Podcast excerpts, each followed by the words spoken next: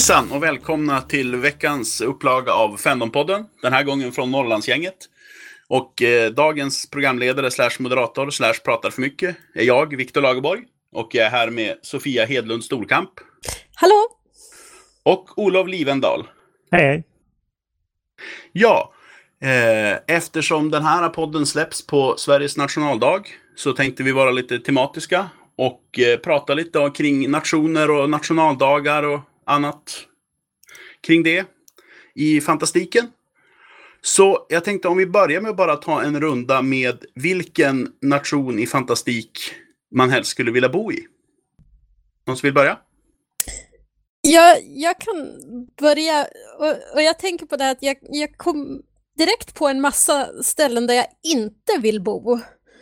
Och det enda stället som jag kom på där jag egentligen vill bo, det, det blev ju på något sätt då Hobbiton från Sagan om ringen.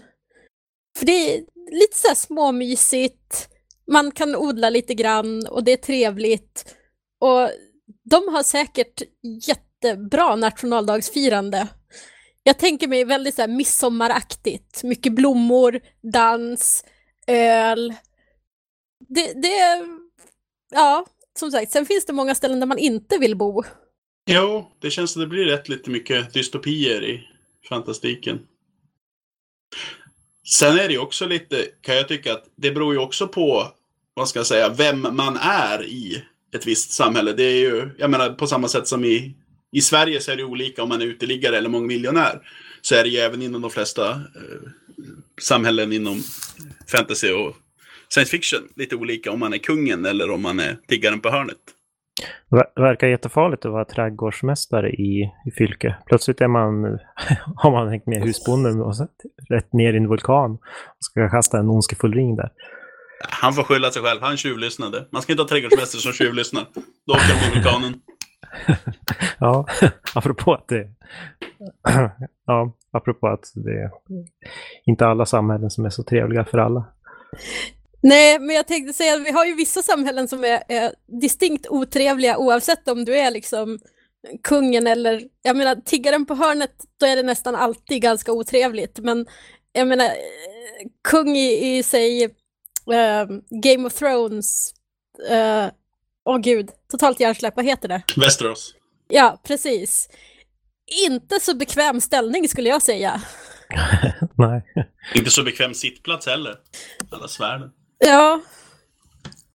Um, så att den, den är så här, den går bort.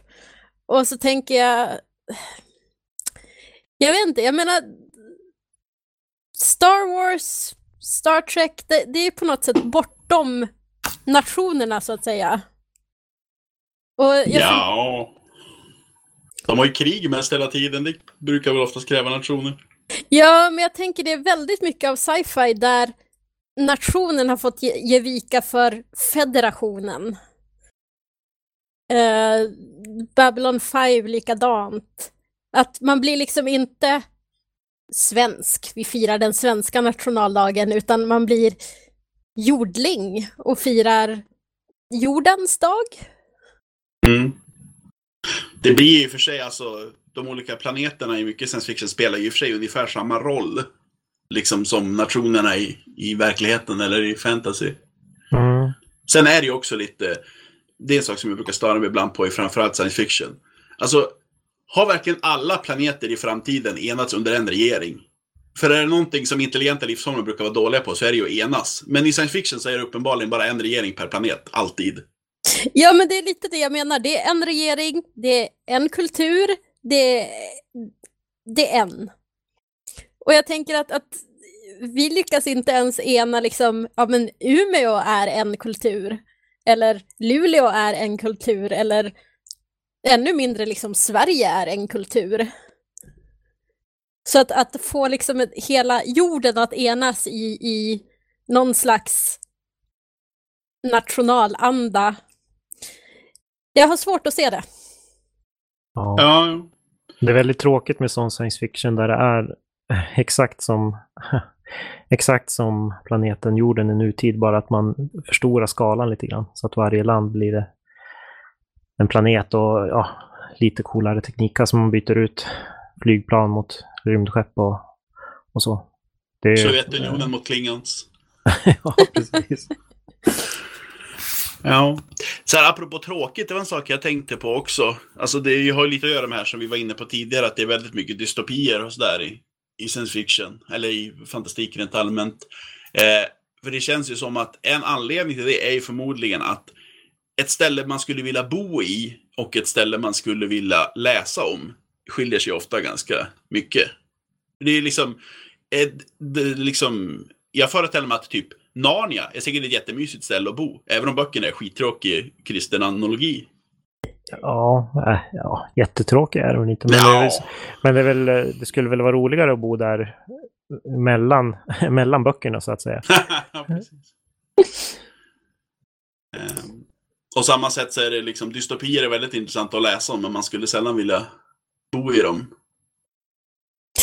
Ja, fast det kommer ju fram till det här jag tänker, om man börjar med, med liksom såhär, men zombiekatastrofen, när den kommer, skulle vi överleva? Skulle vi överleva i en dystopi?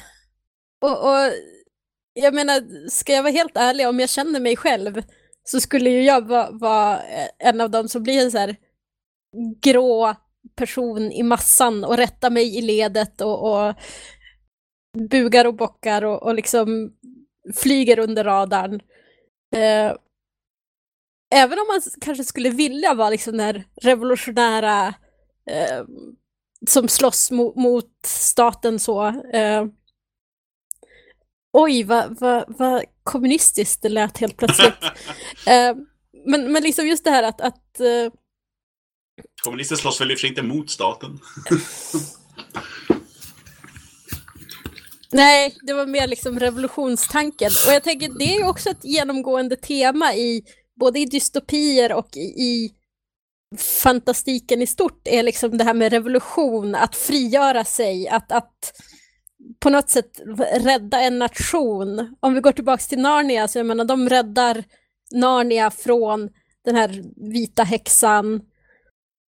Eh, och det är ofta det som även leder till eh, firandet av nationaldagar. Jag menar, vi, vi är omgivna av Norge firar att de blev fria från svenskens övermakt den 17 maj. Eh, Finland firar att de blev fria från ryssen eh, på sin nationaldag. Att det, det är liksom... Det känns som att mycket av, av historierna inom fantastiken är det som, som kanske skulle leda upp till en nationaldag själva den här frigörelsen och, och revolutionen. Ja, förklarar förmodligen varför vi svenskar inte firar vår nationaldag så stenhårt. Det är typ en regeringsproklamation eller något i den stilen som våra ja. nationaldag är till minne av. Mm. Björn Borgs födelsedag också. och kungens födelsedag. Va, är det sant? Är han född eh, den 6 juni? Eller är han född på Valborg? Nej, Valborg är det låter mer bekant. Ja, just det. Vi firar valborg till minne av kungens födelse. Ja. Mm. My bad. Vi väljer Björn Borg till kung istället. Det, det, det skulle vara mycket mer tematiskt. Mm. Eh, så vi, kan, vi har ju varit inne på det lite grann så här, men eh, och det har ju också att göra med det som vi pratade om, eh, var det förra, förra podden eller något sådär, med olika helgdagar och sådär. Eh, men vi har ju även eh, nationaldagsfirande och sånt där i eh, fantastik. Det vet jag du hade, var inne på någonting innan Sofia, apropå Unification Day. Ja, precis. Jag, jag, måste ju gå tillbaka till Firefly, för det är ju, det är ju Firefly. Och, och den helgdag som jag tog upp där var ju Unification Day, och det känns ju väldigt mycket som en nationaldag. Eh, i, I det sammanhanget för, så att säga, the bad guys eh, och, och the inner planets som, som liksom enades och, och Eh, besegrade vilda västern ute i The Rim. Men eh, just det här att, att det är en sån typisk grej som skulle bli en nationaldag. Och än en gång så tycker jag det är jättesnyggt gjort att våra huvudkaraktärer eh, liksom väljer att inte fira Unification Day eller fira det genom att, att, bli fulla och slåss på en bar för att de tycker det är så jävligt och det, det är ju också, det, det går ju igen lite det här, vilka firar den svenska nationaldagen? Och, och hur, hur står det till med nationalistiska... Är nationalism en bra sak? Men det är kanske mer för, för så här, samhällspodden, inte fandompodden. Det känns som ett lite stort ämne för oss att tackla, ja. Kan jag ja. tycka. Ja, förmodligen inte, men om man ser på, uh, om man ser på de uh, science fiction-romaner som jag läst där nationalstaten har försvunnit så har de oftast ersatts av jättestora företag som har ungefär samma roll, roller som förtryckarstater. Så mm. det är frågan vad alternativet skulle vara. Ja men precis, och det, det är ju också som sagt, det blir ju igen mycket det här revolutionära, att, att man firar på något sätt en, en nationaldag som man inte vill fira. Väldigt mycket dystopi och, och liksom förtryck. Och jag känner lite, just det här också, förväntan på att du ska fira det här för att vara liksom en, en god medborgare av federationen eller där, där, finns det väl ett exempel också, om jag inte missminner mig, i Hungerspelen. Det här, eh, vad de nu kallar det, ceremonin i början när de väljer ut vilka som ska få vara med och döda mm. varandra. Eh, det är väl typ på årsdagen av att de krossade distriktens revolution och att de, distrikten är tvingade att fira det. Slash ge bort sina barn till att döda varandra. Ja men precis, och de har ju dessutom den här eh, nu minns jag inte exakt, men jag tror att det var, var 25 år så har de en liksom så extra speciell och det är därför som, som eh, spoiler alert, eh, Katniss och eh, Peter får vara med i, i Hungerspelen flera år. För att det kommer en så här, och i, i år är det exakt 50 år sedan revolutionen, så därför ska ni få skicka extra många och dö. Eller, mm. ja. Ja. Och det ger ju lite perspektiv på 6 juni i alla fall. Jag tycker vi behåller den istället för att införa det. Jag vet inte, med, med, med tanke på att, att det precis har varit festival här i Umeå så jag kan tänka mig att skicka en eller två universitetsstudenter till, till någon slags Hunger Games här. Byta ut brännbollspilar mot Hunger Games. Ett kontroversiellt förslag. Ja, nej men jag, jag, vi hade helikoptrar som snurrade här över och, och dunka dunka musik fram till 3-4 på morgonen här i morse. Så, att, eh... så nu har jag klagat på det. Har ingenting med fantastik att göra, men... men... Ja, nej men. Det tycker säkert våra hypotetiska lyssnare om att få en liten inblick i våra tråkiga privatliv. Ja, Um, men om vi ska gå tillbaka, det känns som vi kom bort lite från eh, det här ursprungsfrågan med var man helst skulle vilja bo. Jag vet inte, hade du någon tanke där Olof? Uh, jag tänker spontant Kanada. Nej, men det, kommer ni ihåg att uh, när Indien sköt upp sin första satellit, kan det ha varit? Fick jag någon sorts vision av att skulle inte, skulle inte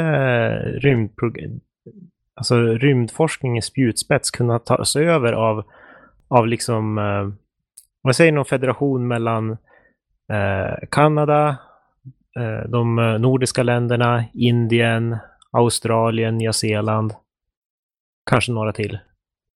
Att man struntar i stormakterna. Jag tyckte det var en bra framtidsvision här som jag fick. Om någon vill skriva en roman om det så kör.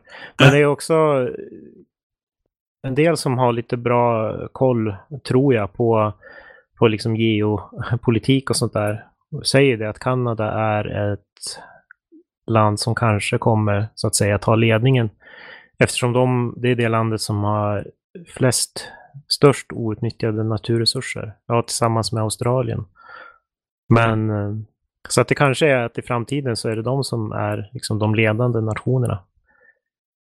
Och det finns det finns även eh, en bok som hela tiden tänker att jag ska läsa av Elizabeth Bear om det. Där Kanada är den liksom, ledande nationen inom rymdutforskningen. Jag visste inte vad de hette, så det var inte så. Eh, men det, det, får mig att tänka på en annan sak som vi inte riktigt har betat av. För nu har vi ju mest pratat om liksom fiktiva nationer och sådär.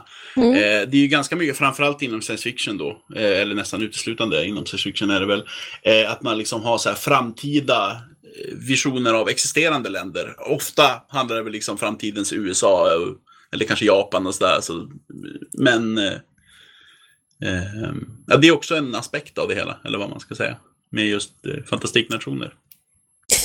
Ja, och det är ju dessutom ganska intressant om man tar eh, för både i, i Firefly-universumet, som jag alltid återvänder till, och även i, i eh, böcker som är skrivna väldigt mycket på 80-talet, till exempel eh, 2001 A Space Odyssey. Den är skriven på 70-talet, fel av mig. Men 70 80-talet så är det väldigt ofta Kina som har blivit liksom en stor makt. Eh, och det är också ganska intressant med, med liksom från ett geopolitiskt perspektiv idag.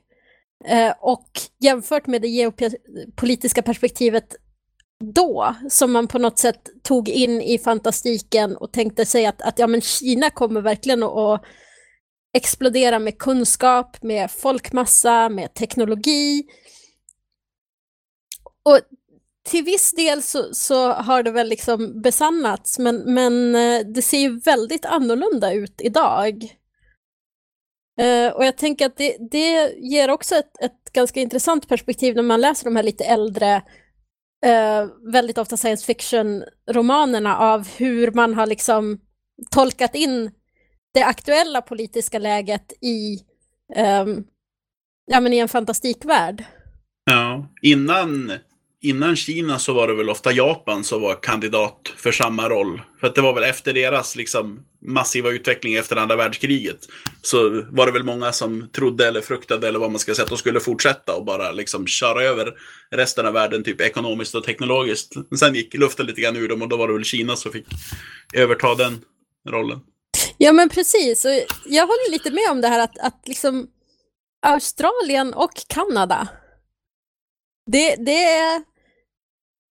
Är det, det liksom vad som kommer komma härnäst? Så att om, om 20 år så sitter folk och, och diskuterar och tycker att ja men där på eh, 10-talet så skrevs det ju så himla mycket om hur Australien skulle ta över världen och blev det så? Mm. Ja, det återstår att se. Ja. Kanada har ju problemet att de har en jättelång landgräns till ett land fullt av tungt beväpnade galningar. Men just det här, eh, det, det som är det som verkligen ja, ett överhängande hot är det här med miljöförstöring och eventuella kollapser, miljökollapser. Och mm. just där är det ju förmodligen en fördel att ha väldigt stora naturresurser. Och att vara långt norrut. Ja, och att vara långt norrut. Ja, och jag menar, då ligger ju Sverige relativt bra till helt plötsligt. Men är det någon som har skrivit om Sverige som liksom nästa världsledare? Det finns en bok som jag inte har läst som heter Tau Ceti som där, eh, där i Sverige som liksom har tagit ledningen i rymdforskningen. Men den är skriven på 50-talet och jag tror att det kanske hade mer att göra med att författaren var eh, skandinavisk ättlad och ettad och tyckte att det var en cool idé. Ja, men jag tänker, jag tänker rymdvikingar. ja. Så Klingons, återigen. Ja. Nej, jag, jag, jag gillar idén. Uh, möjligtvis borde jag flytta upp till Kiruna och, och, liksom ta över S-range och... Det är synd att Mac inte är med i den här podden. Som den eh, lokalpatriotiska Kiruna vad heter man? inte Kirunabo, för han bor inte där längre. Före detta Kirunabo han är, skulle han säkert kunna uttala sig i mångt och mycket om S-Range. Ja, men jag tycker det är lite spännande med, med liksom att vi har ett rymdforskningscenter. För jag, jag, det är också så här, någon gång när jag träffade någon på jobbet och sa någonting i stil med att ja, men det är ju inte rymdforskning precis. Och hon bara nej, för det hade jag klarat. Och då visade det sig att hon är någon slags rymdingenjör, ja, vad hon nu var. Och har liksom jobbat uppe på S-range och, och, och jag blir lite så här, det är jävligt coolt. Mm. Och, och jag tycker att vi borde ta över världen. Helt enkelt. Eller rymden. Ja. Där är ju också lite apropå det här med, eh, så jag tror du Olof sa någonting om tidigare med att i en del science fiction att det är liksom megacorps och sånt som tar över liksom nationalstatens roll. Just när det gäller rymdforskning så har det väl mer eller mindre redan skett med SpaceX och eh, Virgin Galactic och ytterligare någon. Som är, är väl de som liksom är mest aktiva i rymden. NASA har väl fått liksom sin budget neddragen med typ 99 procent sedan de landade på månen. Så är på molnen, på månen. Eh, så de är väl lite mindre aktiva. Jag har så dålig koll på de här företagen. Det verkar vara många som är där det är mycket prat och lite verkstad. Ja, SpaceX är jag väldigt fascinerad Det är Elon Musks företag. Han verkar ja, ha mm. bestämt sig för att personligen släpa in mänskligheten i framtiden. Eh, och eh, på, på ganska god väg att eh, lyckas. Det, de har ju någon så här, det är ganska fascinerande, det tror jag vi kan ha pratat om i någon tidigare podd också. Eh, SpaceX, de har ju någon så här typ 50-årsplan eller något i den stilen. Där de har liksom klart uppradat, ja de ska börja med att, eh, ut, att utforma sina egna raketer som ska liksom kunna återanvändas och sådär. Det är typ där de befinner sig nu. Eh, och så sen nästa steg är skicka typ en obemannad raket till Mars. Och så sen skicka en bemannad raket till Mars. Och så sen typ etablera en bas på Mars. Och så sen typ en koloni. Och det är liksom, de har så här äh, väldigt tydliga mål för de närmaste typ 50 åren. Mm, det vore jättecoolt. Och slutmålet är typ en Marskoloni med några tusen invånare och så här. Och så, jag menar, jag vet inte hur realistiskt det är för att jag inte superinsatt på området. Eh, men hittills så har de ju liksom lyckats ganska bra med de här återanvändbara raketerna och landa dem och sådär. Så att eh, helt otroligt verkar det väl inte. Nej, men rika karismatiska män med stora visioner, deras, deras planer brukar antingen bli att de lyckas till 100% eller att de lyckas till 0%. Så det återstår att se. Ja, Nej, Elon Musk verkar vara en intressant karl. Jag tror dessutom ja. han är inne på sin typ fjärde fru eller någonting, så jag misstänker att han kanske inte är lika typ charmerande privat som han är eh, vad ska man säga, inom vetenskap och affärer. Men jag menar, jag är inte gift med karln, så jag bryr mig inte. Så länge han fortsätter bygga självkörande bilar och rymdraketer så är jag nöjd och glad. ja. Nej, men det är lite det jag funderar på också. För det känns som att många av de här rymdeposen och, och nationsbyggandet i rymden och allt det här. Det, det skrevs väldigt mycket på, på där 50, 60, 70, 80-talet började trappas ner lite grann. Och nu är det väldigt mycket liksom, det är dystopier men de är här på jorden. Det, det är liksom, det är den här planeten som kommer gå åt helvete. Och vi kommer inte ta oss härifrån. Eh, Medan det här stora rymden och utforskandet och, och eh, att skriva om det, att göra det, har, har lite dött av. Eh, det är inte så mycket tal om att skicka, ja, förutom din, din uh, stora idol där, uh, så mycket tal om att skicka folk till Mars längre för att ah, vi, vi kan skicka upp en, en liten robot eller en sond eller någonting. Eh, Medan liksom in, innan, ja men vi, vi satte folk på månen och, och yes, och så skulle vi skicka mer folk till månen och vi skulle skicka dem till Mars och det skulle liksom, rymden var, skulle utforskas. Och det händer inte längre. Nej, Nej det är tråkigt. Mm. Men det, det är ju som med science fiction, det är hela tiden en blandning av, av någon sorts realism, att det ska vara eh, ja, men det ska vara trovärdiga skildringar av vad som skulle kunna hända. Och eh, samtidigt finns det liksom en framstegsoptimism och eh, teknikoptimism. Och eh, tyvärr så, alltså jag förstår de som, som är skeptiska till om vi någonsin kommer ut i rymden, om vi ens kommer till Mars. Med tanke på hur det ser ut i världen. Men det är lite tråkigt att läsa om.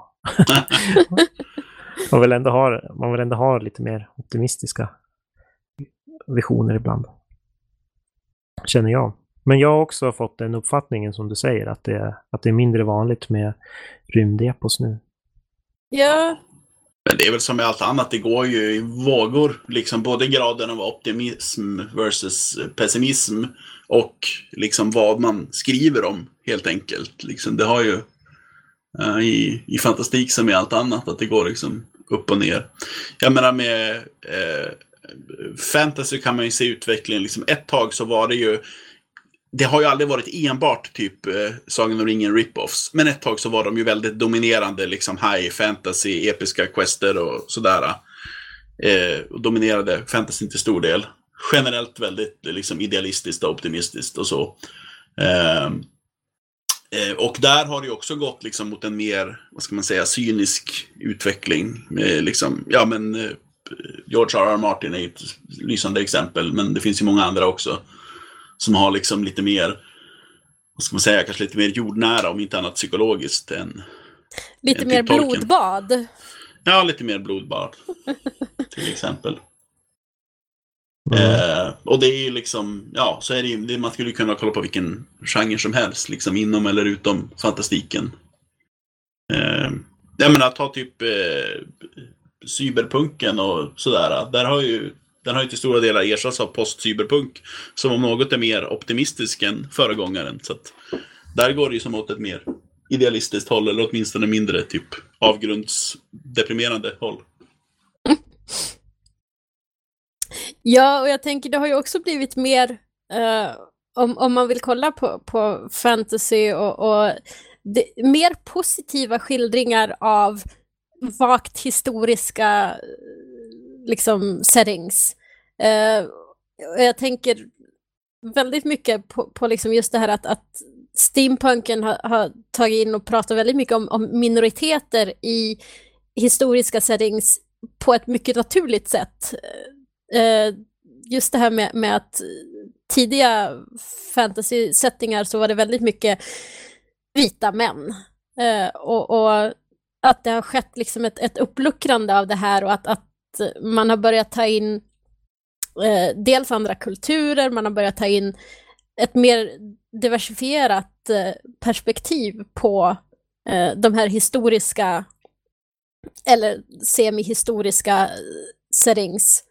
Eh, och att man får en nyansering av, av bilden och av, av världen som man ser den genom den här fantastiklinsen på något sätt. Mm.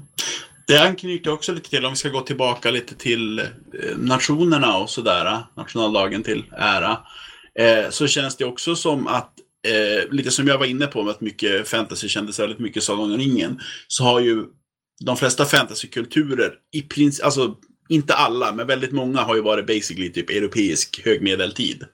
Mm. Eh, sen kanske man slänger in lite typ mongoler eller liksom någon slags eh, motsvarighet till araber eller sådär. Men det har ju i princip oftast, liksom the good guys är ofta typ britter.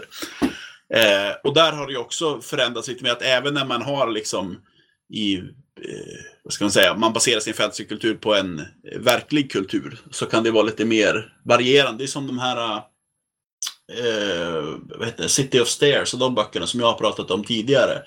Där mm. är ju eh, vad ska man säga, det är de två huvudsakliga nationerna där. Den ena är baserad typ på Indien och den andra typ på Ryssland. Eh, och så en tredje typ på Skandinavien, vilket väl inte är lika ovanligt. Men eh, samma sak med eh, Warbreaker av, eh, eh, vad fan heter han? Brandon Sanderson, heter han så? Ja. Mm. som vi läste i eh, eh, fantastikbokcirkeln vi har för något år sedan eller så, där är eh, det huvudsakliga landet, det är mer baserat på, alltså ja men typ Indien eller Kina, alltså lite mer östasiatiskt, det är väl ingen exakt kultur så. Eh, så det känns som det är lite vanligare, alltså, det är väl egentligen ett, vad ska man säga, eh, resultat av samma trend som du var inne på, Sofia. Mm. Liksom, fast att istället för minoritetsindivider så är det liksom andra kulturer. Och det är dessutom intressantare att läsa om. Liksom, har man läst fem miljoner eh, nästan Storbritannien fantasyböcker tidigare så kan det vara kul att läsa någon som är baserad på någonting annat, helt utan någon slags politiska dimensioner. Ja, och det gör ju också att man får liksom, om, om man pratar igen om det här eh, om, om fantastiken som någonting som mycket handlar om revolution och nationsbyggande, att man får liksom nya infallsvinklar på det. Eh, för jag menar, den här fantastiktraditionen som, som handlar väldigt mycket om, om typ England eh, på högmedeltid. Det blir väldigt enformigt i längden. Och det blir väldigt liksom kolonialt eh, också. Eh, istället för, för att lyfta eh, andra perspektiv och, och, andra sätt att definiera sig som, en, eh, som ett folkslag, så att säga. Eh, vilket ju också händer mycket i, eh, i fantasy och även i, i, science fiction inser jag nu. Eh, men just det här att, att man definierar sig kanske inte som ett som en, en nationalstat, utan mer efter, ja men titta, där är en alv. Titta, mm. där är en dvärg. De kommer från samma land, men de är fortfarande liksom eh, har sina egna agendor. Ja, jo, jo det blir med andra eh, raser, eller arter borde det väl egentligen vara. I fantasy så brukar det ju nästan vara ännu tydligare än människor att det är liksom alla är eh, liksom, vad ska man säga? alla är lojala mot sin art. Eller vad man ska ja, men... säga. Att det är sällan man ser liksom typ alvernas interna politik. Då möjligtvis om det finns liksom typ Dark Elves eller något så här, som är de onda alverna. Eh, men annars är det generellt liksom alver är alver, etc. Ja, och det går ju tillbaka till vad vi, lite där vi började, där man har liksom så här, ja men utomjordingar är som utomjordingar är. Och jordlingar är som jordlingar är.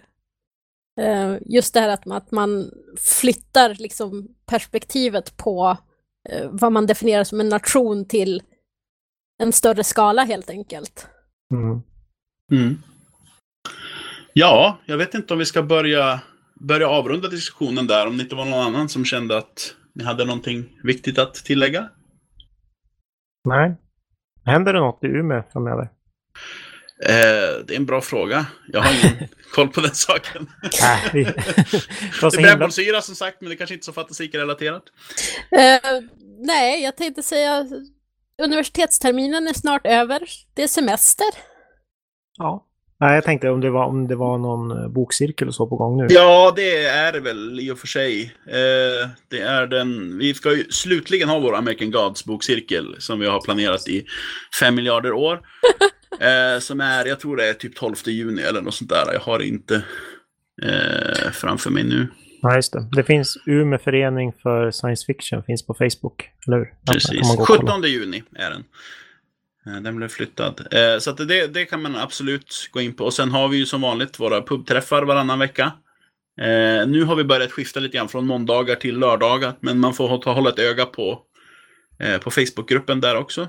Så får man reda på när det är. Sen tänkte jag vi bara kan avrunda med den här vanliga kollen. Om det är någon som har läst eller sett eller hört eller whatever. Någonting intressant och fantastik-relaterat på sistone. Som man vill tipsa om. Ytterst lite tyvärr. Jag har ju, ja. Jag såg Wonder Woman i fredags. Och, och alla måste se den. Den var bra. Alltså, du säger, jag är så bränd när det gäller DC-filmer så jag, jag, har absolut inte vågat hoppas någonting. Ja, nej men eh, jag är så bränd när det gäller DC-filmer så att jag har inte sett eh, Batman vs Superman, jag har inte sett eh, var nu senaste... Suicide jo, Squad? Suicide Squad har jag sett. Eh, men senaste Superman innan dess... Uh, Man of Steel? Ja, inte sett. Eh, men som sagt, Wonder Woman kändes som... som eh, den, den, var, den var riktigt... Den var skön att se. Det, det var... Sen som sagt, jag, jag är ju lite så här, det, det, är den första kvinnliga superhjälten som får, får liksom sin egen film. Eh, den är regisserad av en kvinna. Eh, och, och, så, så jag var ju lite så här, jag skulle ju ha gått och sett den även om den hade varit bajsdålig. Den var inte bajsdålig.